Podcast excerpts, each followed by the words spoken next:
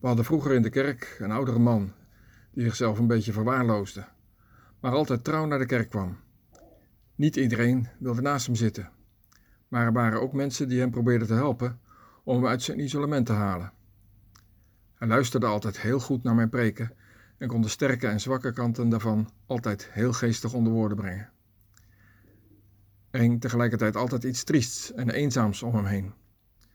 Op een dag toen we de verjaardag van het kerkgebouw vierden en er een band optreden, niet op het plein voor de kerk, maar in de kerkzaal, omdat het was gaan regenen buiten, hadden we even koortsachtig overleg tussen de pastoreis. Kon dat wel?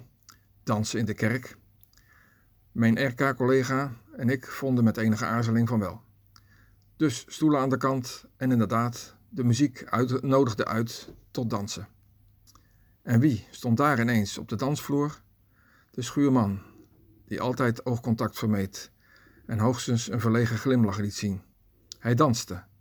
Dat had ik niet van hem verwacht. Opeens brak bij mij het licht door. Dit is het koninkrijk op aarde. Misschien maar voor even, maar onvergetelijk. Daarom vertel ik het maar door. Dans, vooral in de kerk.